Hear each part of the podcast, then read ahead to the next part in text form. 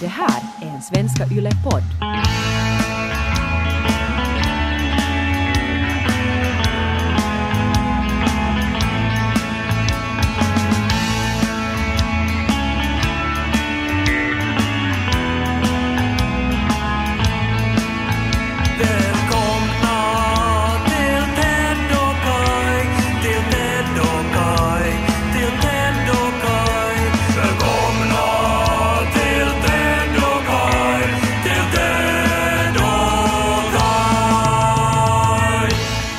Länge sedan vi har bandat podd här. Ja, vi är i mitt arbetsrum i centrum av Helsingfors. Villa Kivi. Inte det är ju centrum av Helsingfors, Nå, det är ju vid utkanten av operan. Vad ser du där nu? Träd. Riksdagshuset, Träd. Operan, Nej, jag ser bara jag ser träd. Främre Tölö. Men det är ju inte centrum. Nej. Centrum är ju uh, vid den där statyn där man ska... Vad heter den? Mm. Du Vad kommer aldrig att komma på det om inte jag hjälper dig nu. Precis som att du ju inte visste var Finlandiahuset var när vi Nej, en men vad gång... heter den där statyn? Tre smeder. Nej! Den där statyn som man dansar i när man vinner VM. ja, visst Amanda är en Ja! fontän. Just det. Ja. Men en staty också. Alltså jag och Niko då, i det ögonblick som det blåstes av och Finland då var världsmästare då för tredje gången, så hoppade vi på våra cyklar och cyklade till centrum. Och jag tror att vi var bland de allra första på platsen. För vi liksom gick raka vägen fram till fontänen. Det var nog folk som simmade där än, men det var som ingen trängsel, det var nästan ingen. Ja. Och jag, jag, jag stod där då i centrum av allting när torget fylldes av människor. Ja, men kände du dig inte lite sådär som en... eh, som en ulv i fårakläder när det kommer till att fira en idrottsframgång? Och Hur menar du? Att du inte förtjänar att få fira det? Ja, vi var ju precis lika glada som alla andra. Men har du tittat på någon match annan än finalen? F- följt med lite här och där. Nej, inte har du det. Du har kanske sett sportresultat och skrattat åt memes. Ja, men... Men tycker du inte att det är lite... För jag tycker att, det, att man inte förtjänar. Om du inte sen tittar och följer aktivt med, då förtjänar du inte att glädjas. Nej men uh, det var ju segern, alltså att Finland var bäst i världen, det är Ja. ju ändå lika mycket värt. Men det är lite hypokrit om man annars inte bryr sig. Men då plötsligt bryr man sig. Ja, men ska vi säga som så, det finns så otroligt mycket att bry sig om i världen. Mm. Så att liksom följa hela vägen fram är ju inte, tycker jag, relevant eller nödvändigt Nej, men- för att sen få glädja sig. Men för att du, du glädjes ju över att du kan liksom vara som en parasit och sitta och andas in av den här glädje-euforin. Ja. Och vara så här, Jag känner mig ung igen!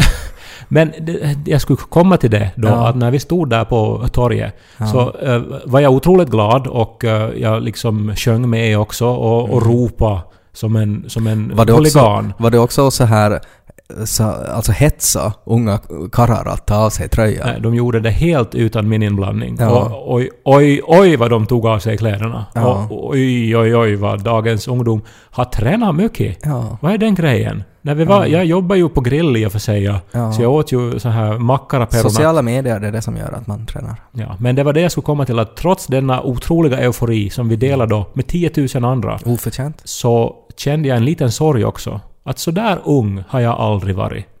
Och Att inte man- du heller Ted. Att man skulle dansa i en fontän. Nej, men, ja, eller så ung som de där människorna var där. eh, Som de hoppade och klättrade. Så ung har jag aldrig varit. Och det är en sorg jag kommer att få leva med. Och med det här menar jag då förstås att jag hade inte en sån ungdom som gjorde såna grejer. Jag, Ja. jag var instängd i, i bönehus och sånt. Ja. Och så vann inte Finland ishockey-VM Du heller. var ju inte alltså bokstavligen instängd. Det måste man väl poängtera. För det finns väl också bönehus där man på riktigt skulle kunna göra det. Ja, no, men jag var instängd med psykiska lås. Psykiska bojor. Och eh, liksom, vad heter det, grupptryckslås. Ja, Ja. värsta sorten. Men det var en sorts elektricitet, alltså en sån här energi och en, och en rå glädje där. Så här, vet du att... Nu, men du var ju väl kåt var du väl? Ja, alltså men- så unga ishockeypojkar. Nej. Utan skjorta. Ja, jag var kåt, men de var ju inte kåt. De var ju bara ivriga och glada. Och, De var fulla. Ja, vilket nej, gör det ännu värre. jag tror inte heller att folk var jättefulla. För att liksom, det var ju en fast jag har nog sett söndagkväll. bilder. Jag tror nog att folk var ganska fulla. Ja, nå, säkert sen blev man ju längre natten led, men just i Mm. det ögonblicket strax efter eh, segern. Så det var ju söndag kväll. Och människor skulle ut på jobb, men sen förändrades ju allt för att vi vann. Mm. Energin där var helt, någonting helt annat. Vet du? En sån här som inte... Att om jag skulle ha lagt mig i fontänen då, så skulle Mm. det ha varit eh, vet du, ett spel. Hur är det nu de säger? Så, Life's a bitch and then you die. Nej, så snart det finns ett vittne till våra handlingar så anpassar vi oss med eller mot vår vilja till de ögon som iakttar oss. Och ingenting av det vi gör är längre sant. Som de säger. Nej, jag, Vem säger skrev, det? jag sitter vid mitt arbetsrum och jag Ja. Mm. har antecknat mina tankar här. Ja, säg det en gång till. Nej, no, men ja, att det, skulle ha varit ett spel om jag skulle ha gjort det. Men för de här unga så var det ännu... Det var rå energi. Ja. Det var naturligt att slita av sig sin tröja och ha fula Black Horse boxers. Och, men förstås ha en vacker kropp som Det finns har, ju många andra märken av boxers också vill jag bara poängtera. I den här public service-podden. Ja, men det som jag sa, det märket så representerar ju en form av tonårsmode. Mm, kan hända. Ja, som inte man använder senare. Nja, Ja. ja. Eh, Så liksom, eh, den energin går bara att uppleva äkta i en viss ålder. Och den kommer jag aldrig att Det går, det går inte att fejka det där. Eh, No, exakt. Ja. Men vad gjorde du då? Du var ju inte där ens. Nej, jag tittar inte på matchen. Ja, okej, men så du är inte heller... Alltså, va? Nej, jag tittar inte på matchen. Tre miljoner människor tittar på matchen. Mm, minus Ted Forsström. Nej, alltså tre miljoner... Minus. In, men- nej, inte minus. För då skulle det betyda tre miljoner en minus Ted Ja, Forsström. just det. Ja. Tre miljoner plus minus Ted Forsström. Det var ju den mest sedda idrottsmatchen i Finlands historia. Mm. Inklusive alltså Så du, VM jag 95 är ståndaktig i mina åsikter. Jag är inte sådär att jag på något sätt för, liksom ändrar mig bara för att det råkar vara en final. Varför skulle jag då bry mig plötsligt? Nej men livet handlar väl om att man ska fylla det men med för- känslor och upplevelser? Ja, men man måste ju ändå veta vad man tycker om. Och jag är obrydd när det kommer till idrottsprestationer. Men du tycker väl om att vara glad och att se människor liksom på något vis släppa loss och, och, och, och leva och liksom göra spontana eh, känsloutbrott? Tycker inte om att se livet i dess mest råa glädje? Så du pratar om nakna karlar nu igen? Det var mycket nakna karlar Ja. också, och det kanske du inte bryr dig så mycket om. Nej, jag bryr mig mer om... Alltså, jag är ju inte en person som lever i stunden. Det har jag ju aldrig varit. Uh, alltså, mitt problem är väl kanske det att jag kan nog glädjas över att folk glädjas över sånt här, men att jag är också orolig över att man på något sätt sätter människor på såna där piedestaler. Alltså att... att Alltså har vi Samanda? är du orolig för att de, hon ska slå sig? nej, inte. Men alltså att man på något sätt... Att man är en hjälte för att man är bra på idrott. Det är väl det som är ett problem, tycker jag. Det fanns ju jättemånga jättebra förebilder i det här laget. Ja, men det är ändå ett, ett idrottslag. Och det tycker jag är ett problem, att man inte sätter andra former av... eh, Som vår president sa i sitt tacktal till Lejonen, så är det, var ju det här ett praktexempel på samarbete och på att arbeta tillsammans. Yes. Och det är väl någonting hedervärt. Ja, och jag menar det sa man ju bara för att de... Det var väl någon sån här grej att ingen av dem spelade NHL. Ja, de var 18 nykomlingar i Ja, VM. Aldrig spelat en VM-match tidigare. Nej. Och så går de och vinner. Men det som jag blev glad av, som jag skulle säga, var att jag såg att det var den här ena pojken, nu kommer jag inte ihåg vad han hette, men att det var en stor intervju med honom där det kom fram att han läser böcker. Kevin Lankinen. Ja. Uh, finlandssvensk, eller åtminstone tvåspråkig. Finlandssvensk mamma hur, tror jag. Hur känner du dig då? Att det var som en stor nyhet det att han läser böcker? Nej men det, alltså jag blev ju jätteglad när jag läste Mm. det och sen så också hade de ju rätt ut då att den här boken som han gjorde reklam för så var genast den mest reserverade på alla Helsingfors-Nejdens bibliotek. Mm. Så alltså uppenbarligen hade han ju ett sånt här inflytande. Och det är ju det Mm. där vi som håller på med litteratur har önskat att det skulle finnas någon som unga ser upp till och lyssnar Mm. på som skulle börja prata om det fina i att läsa böcker. Ja, men, och, men det var liksom så väldigt ambivalent för mig det. För att jag blev jätteglad att han gjorde det. Men samtidigt känns det som att Åh, tänk att man måste vinna VM-guld i en sport för att få ett intresse för läsning. Nej, han är en förebild. Han är nu, alltså, nu just hade han sin stund när han är den som alla riktar sina ögon mot. Och han Mm. använde sin stund till att promota läsning. Istället för att säga att han tycker om att nå, äh, liksom träna och liksom typ resa till andra sidan planeten. Mm. Så sa han att, att läsning är någonting fint. Så är han jättesöt också. Ja, okej. Vad är det med 20-åriga pojkar? Det skulle vara så roligt att istället för en sportkommentator så skulle man ha liksom någon som dig som skulle kommentera en match och det skulle bara uh, uh, skulle höras. Inte när de får mål men när de zoomar in.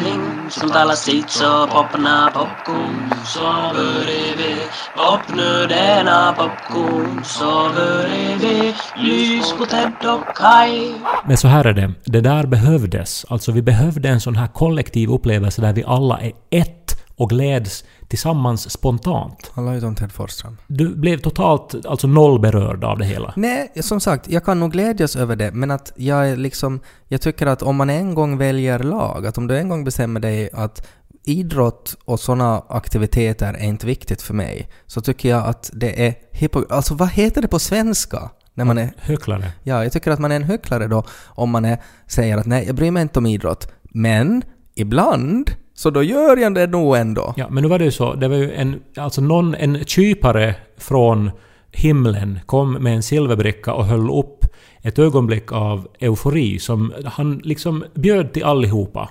Mm. Och nä- nästan alla tog ju emot det här ögonblicket som ju var liksom en, en present till Mm. Jag oss skulle se det som ett test, ja. Att om jag skulle ha tagit det där så skulle jag ha brunnit upp och slitits ner till helvetet och så skulle liksom djävulen skrattat tillsammans med Gud och sagt ha inte förtjänar du det för du tycker inte om idrott. Det där är min mammas inställning till all mat som inte är potatis. Men det som jag skulle säga är att det finns så många bevis nu på att mänskligheten är, är liksom eh, doomed, vad är det på svenska då? F- fördömd. Och eh, en av dem är ju vår otroligt sjukt Eh, bortskämda reaktion till Game of Thrones.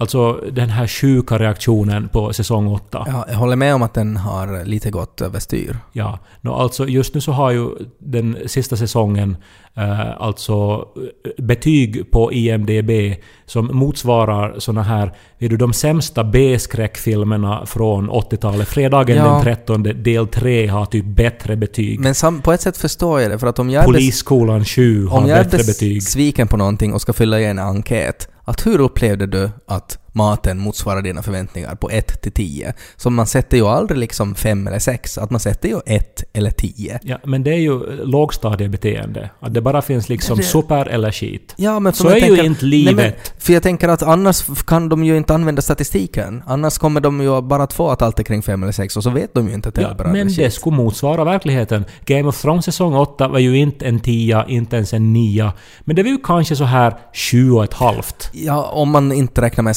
storyn alltså. Det är ju det som är så dumt för att det handlar ju om hur man värderar de olika elementen i den här soppan som är en TV-serie. Och alla andra element utom storyn var ju liksom 9 eller 10. Men storyn är ju ändå kanske det viktigaste. Ja, men storyn var inte heller en trea. Det var inte heller Polisskolan 7. Nu Nej, fanns det ju men en om man, om man sätter det i kombination med förväntningarna, om man har förväntat sig... Alltså att om du går till ett café och du vet att du tar alltid crème brûlée för att den är så satans god. Och så far du dit varje torsdag så får du crème brûlée och sen går du dit plötsligt en torsdag och så får du crème brûlée och så smakar det skit. Ja. Då är det ju inte bara sådär att åh, det var inte en så god crème brûlée, utan att du blir ju upprörd. Jag har alltid fått en god crème brûlée på torsdag, vad har hänt nu då? Ja, men inte den ju sämre säkert ändå Jo, men den blir ju. Polisskolan 7 brulé. Jo, den blir det för att du hade förväntat dig en, en otroligt bra crème brûlée men fick Polisskolan 7 brûlée. Men det, jag, har ett, det, jag har det bästa och, och faktiskt ledsammaste exemplet också på hur dåligt ställt det är med den här bortskämda mänskligheten. Mm. Det är kö till Mount Everests topp. Hundra personer kan köa på samma gång för att ta sig upp till toppen. Ja, man skulle tycka de skulle ha någon sorts rulltrappa. Folk liksom blir utan behov. syre medan de köar. Mm. Och, och det här är nu ett problem som Sherporna försöker lösa. De borde ju ha någon sorts så här lappsystem. Men tänk så svältfödda är vi på de här, eh, de här euforiska upplevelserna. Så alla vet du, nu, vad ska vi göra, vad ska vi göra? Jag måste få känna någonting, jag har fått till Mount Everest. Och så är det liksom hu- hundra människor köar samtidigt. Men vad är det? Det är ju en speciell sorts människa som till Mount Everest. F- Och, och köar. Nå, så har det ju varit. Det har ju varit några liksom av de här elitklättrarna, most daredeviling people on the planet och så vidare. Men nu för tiden är det ju tydligen vem som helst som bara liksom vill ha en kicke. Ja. Och det är det som jag tänker att då i måndags på morgonen så fick vi ju alltså hela... Vi fick Mount Everest. Vi fick den levererad på bricka till oss. Det var Och- inte liksom att vi måste inte klättra utan att vi bara sitter i soffan som inte "Åh, vad är det här för spetsigt? Och så kommer det Mount Everest och trycker upp i reven på en och så lyfts man upp i himlen och så plötsligt är man på toppen. Och jag sa, jag hade inte ens farit till Nepal ja. Men tänk själva det där, alltså när man tänker annars den här psykologin när man köar. Hon blir liksom ursinnig på minsta grej när man köar. Alltså det är ju redan när du ska betala i kassan och så öppnar de en ny kassa och så går någon liksom efter dig, går först dit. Så tänk att det är det, men på Mount Everest och man är utan syre. Ja, men nu är det ju också någonting med det här att, att om man far till den mest otillgängliga platsen, eller nu är det ju uppenbarligen inte längre Nej, då, det inte. men, men att man söker sig dit. Där vill man ju vara ensam i stillhet och liksom Mm. ta in den här känslan av att vara på toppen av Mm. världen. Och det kan man ju inte göra om det står liksom då någon från Kuopio där då och köar och, och, och väntar på att få Mm. ta sig dit näst. Sen är det ju också när man tänker att om det är sådär att populärt att det faktiskt är köer så betyder det att det är ju inte länge tills det kommer att finnas en VIP-kö. Och så är man där och köar och man säger "Nå, snart är det min tur att få vara dit och ta en selfie. Och så kommer någon då liksom en skärpa helikopter och tränger sig före. Och så stiger Justin Bieber och Isaac Elliot ut och är sådär att ja, vi betalar för det här, hej då. Och så står Jehovas där Ja. och sprider traktat. ja. Men så det går inte att hitta euforin i de här så kallade unika extremupplevelserna längre. Vi måste ha något sånt här spontant, något som ingen hade egentligen kunnat räkna med, men som bara uppstod ge, genom en gemensam glädjehändelse när vi alla inte, blev ett. det var ju inte ens bara det, utan att det är ju också om man jämför med Game of Thrones, att det handlar ju där också om en förväntning. Alltså förväntningen var ju att det skulle bli ett fiasko. Att vi hade sämsta laget, skickar vi iväg. Och så visade det sig att vi hade det bästa laget som vi hade skickat iväg. Ja, okej. Det, det, och det ju- ändrar ju också. och det gör ju förstås historien och sagan mycket bättre, för att det Mm. var så. Game of Thrones avslutar ju med ett långt tal av Tyrion där han förklarar att historien är det viktigaste. Vilket inte var riktigt förankrat i resten av liksom, berättandet i den här seriens åttonde säsong. Nej, men det var ju manusförfattarna som ville få in en point att de är nog ändå bäst. Jag har börjat läsa Game of Thrones nu, på finska. Ja men det är ju också, det är ju också.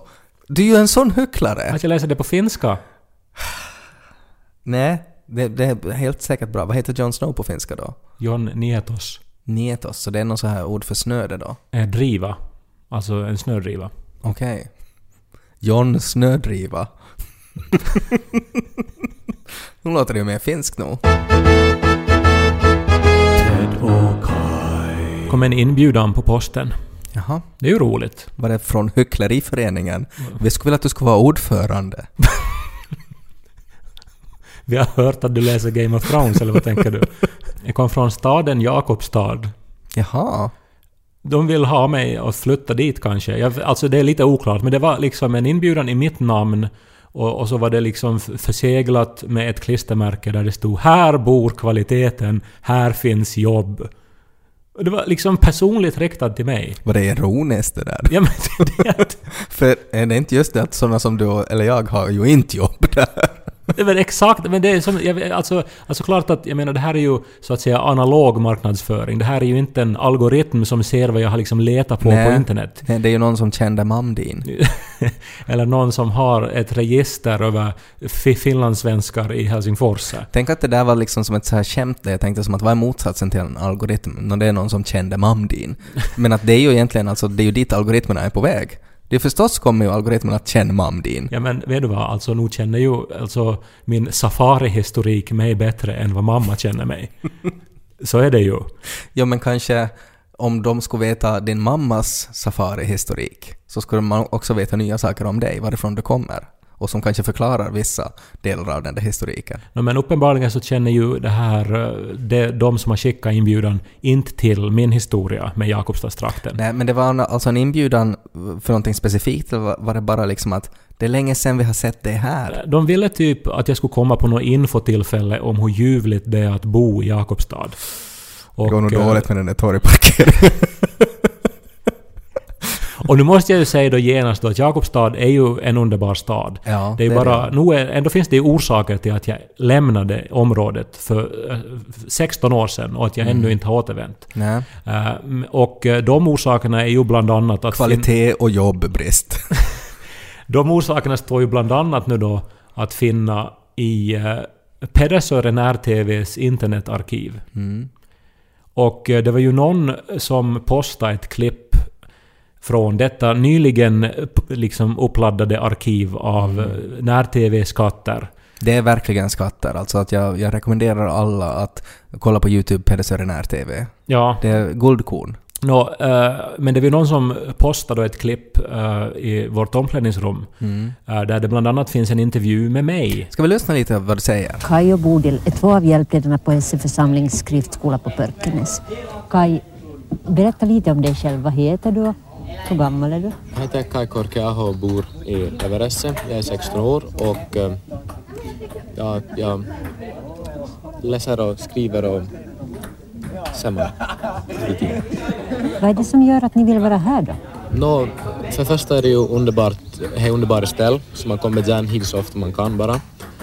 Och så är det ju här roligt, det, det är okej, det är nog inte så mycket yngre men det är roligt att arbeta med de här ungdomar och det är något att få prata med dem och komma dem bli lite närmare in på livet. Hur kan man göra det? På vilket sätt gör du när du försöker hjälpa ungdomarna att, att hitta Jesus? Det är väldigt intressant hur du pratar SE-dialekt. Ja, och- Zän. Vad skulle säga? Och att min röst är, är väldigt ljus och Ja. ändå liksom... Lite till? Uppenbarligen har den ju genomgått ett målbrott men den låter inte som jag gör idag. Nej. Och, och det undrar jag ju då, att är det här egentligen en röst som jag har på något vis lärt mig att, att använda för att inte verka gay? Ja, för att där är jag 16 år och jag låter ju lite gay. Nej, mer sådär att du umgås väldigt mycket med kristna flickor, tror jag. Och att du lite anammat deras sätt att prata på. Ja. Nå, eh, det, det som ju... Jag kommenterar inte det här klippet och jag, Nej. jag liksom uh, såg på det med en obeskrivlig känsla av, av fasa, alltså. På grund av många, många minnen. Men alltså, det, det var liksom... Vet du, när det som känns som is bakom ögonen och att man liksom inte riktigt klarar av att, att liksom se på skärmen s- samtidigt som man som man inte heller kan slita ögonen från den. Det är liksom, vet du, Man vet in inte... headlight. Ja, är det varmt eller kallt? Men det sprider sig i hela kroppen. Ja, och så konstaterar jag, för att jag vet ju när det här är filmat då, och när jag pratar också om det, alltså det är på mitt första rippiläger som hjälpledare. Eh, Jag är alltså 16 år och det är det lägret där jag då eh, bryter ihop och kommer ut ur skåpet för ungdomsledaren. eh, som också intervjuas i det här klippet. Mm. Och det här kan vara filmat alltså samma dag som det här händer. Så alltså när jag mår som allra sämst kanske, Då kommer Pelle Sören R-TV. och filmar mig och sen så pantar de på det här i 20 år och sen lägger de upp det på YouTube och så får jag det då slängt i mitt ansikte igen. Som ett så här 20-årigt minne från liksom min tid i Essie. Att är det där faktiskt jag? Varför är jag där och är så här olycklig och ser så där osäker ut och inte och liksom badar i fontänen vid något torg som en ung människa just ska göra?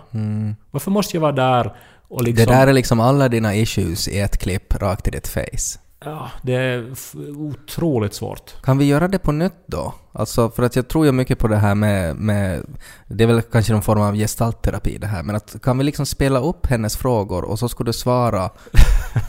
Du tar ställning till vad hon frågar och så svarar du det du önskar att 16-åriga Kai skulle ha sagt. Den här 16-åriga Kai som skulle bada i fontänen, vad skulle han ha svarat på hennes frågor?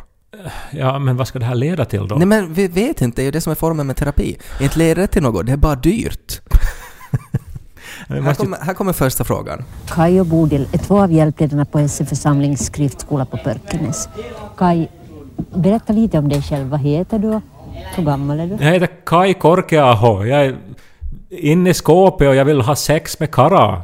Istället för att jag sitter här med dig på trappor. Vad är det som gör att ni vill vara här då? Nå, det är ju bastu på kväll då och så är det ung Kara som jag kan skåda på. Hur kan man göra det? På vilket sätt gör du när du försöker hjälpa ungdomarna att, att hitta Jesus? Men vad är det för frågor? vad, vad, vad är det? Har du, har du någon utbildning och det kvinnor liksom? vad ska jag säga? Löjka mörka sisään! Tack ska ni ha och lycka till de här dagarna som är kvar. Jag tror att det blir många konfirmander som vill komma som ledare nästa år.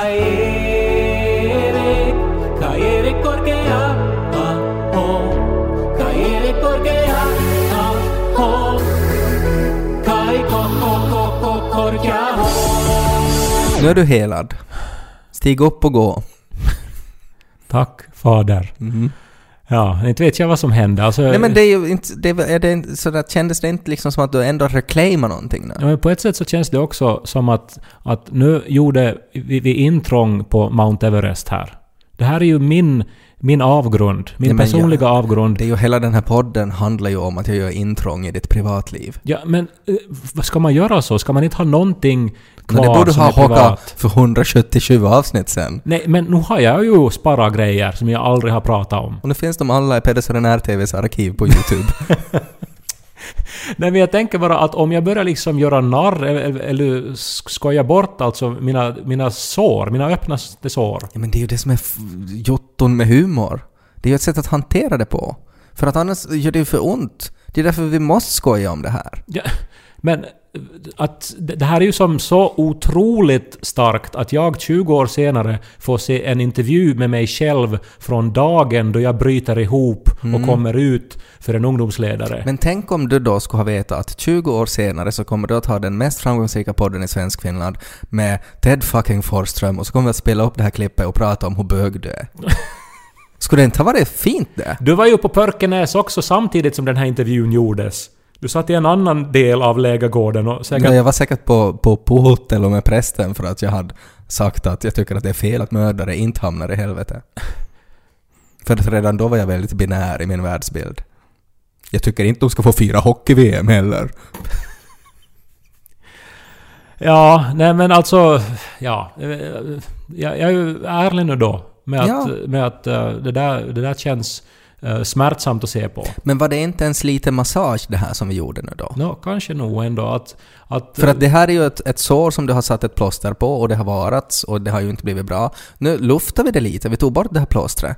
Kanske sätter nytt plåster på men jag tror nog att det blir bättre. Ja, men jag tror ju det att de här som då badade i fontänen eh, nu då, som ju blev filmade av all världens medier. Mm. Så att om de om 20 år får se filmen av sig Mm. så kommer de ju ändå med ett, med ett stort brett leende minnas och som nog antagligen vara så här att oj vad jag var ung och full då. Men de kommer ändå som att du, att känna sig bra över Mm. Ja men det. då är ju inte så, jag menar, jag tycker det reducerar människor då. För att vi är ju komplexa varelser, vi har mycket minnen, vi har mycket känslor. Eh, det betyder ju inte att bara för att man mådde jättebra just då, för att man var otroligt full och det här var liksom en kåt författare och det var skojigt och han ville att jag skulle ta med skjortan och jag dansade för honom. Eh, men det betyder ju inte att man mår bra, det kan ju hända att man mår skit och sen när man ser det där klippet så tänker man på att oj vad jag var inne i skåpet, oj vad jag mådde dåligt. Men att det kommer ju inte fram i klippet, i klippet så kommer ju bara fram på hur man super och firar. Ja men hellre skulle jag nog ha ägnat min ungdom åt att vara full någonstans och vara förvirrad än att sitta på en trappa och vara livrädd och prata om saker som idag framstår som helt förryckta. Hellre full och förvirrad än på trappor med Bodil. är det en t-shirt? Nå, vi ska inte nu dra skugga över Bodil här. Nej. Men Alla har ju såna där tankar och alla mår ju dåligt av att se klipp av sig själv från länge sedan. För att man kommer ju ihåg, liksom när man ser någonting på film, när någonting blir förevigat, så det är bara den där lilla, lilla, lilla, lilla minidelen som man visar upp. ja, Man men ingen kan se på mig sitta där i det där klippet och tänka att den där killen ser ut att må bra. Nå. Men man tänker ju på något sätt att det var för att du inte hade bett tillräckligt mycket den dagen då. Och det finns ju visdom nog i Pedersöre också. De säger att låt märren bekymra sig, den har större huvud. Mm. Det är ganska bra. Mm. Men vad var det du fick alltså inbjudan till i Jakobstad då? No, men säkert att få tillbaks dit in i skåpet. Här bor kvaliteten. Vi har skåpet kvar! Ska vi lägga tomotid? Du vill lös nu Tjuniläng! Kom, kom!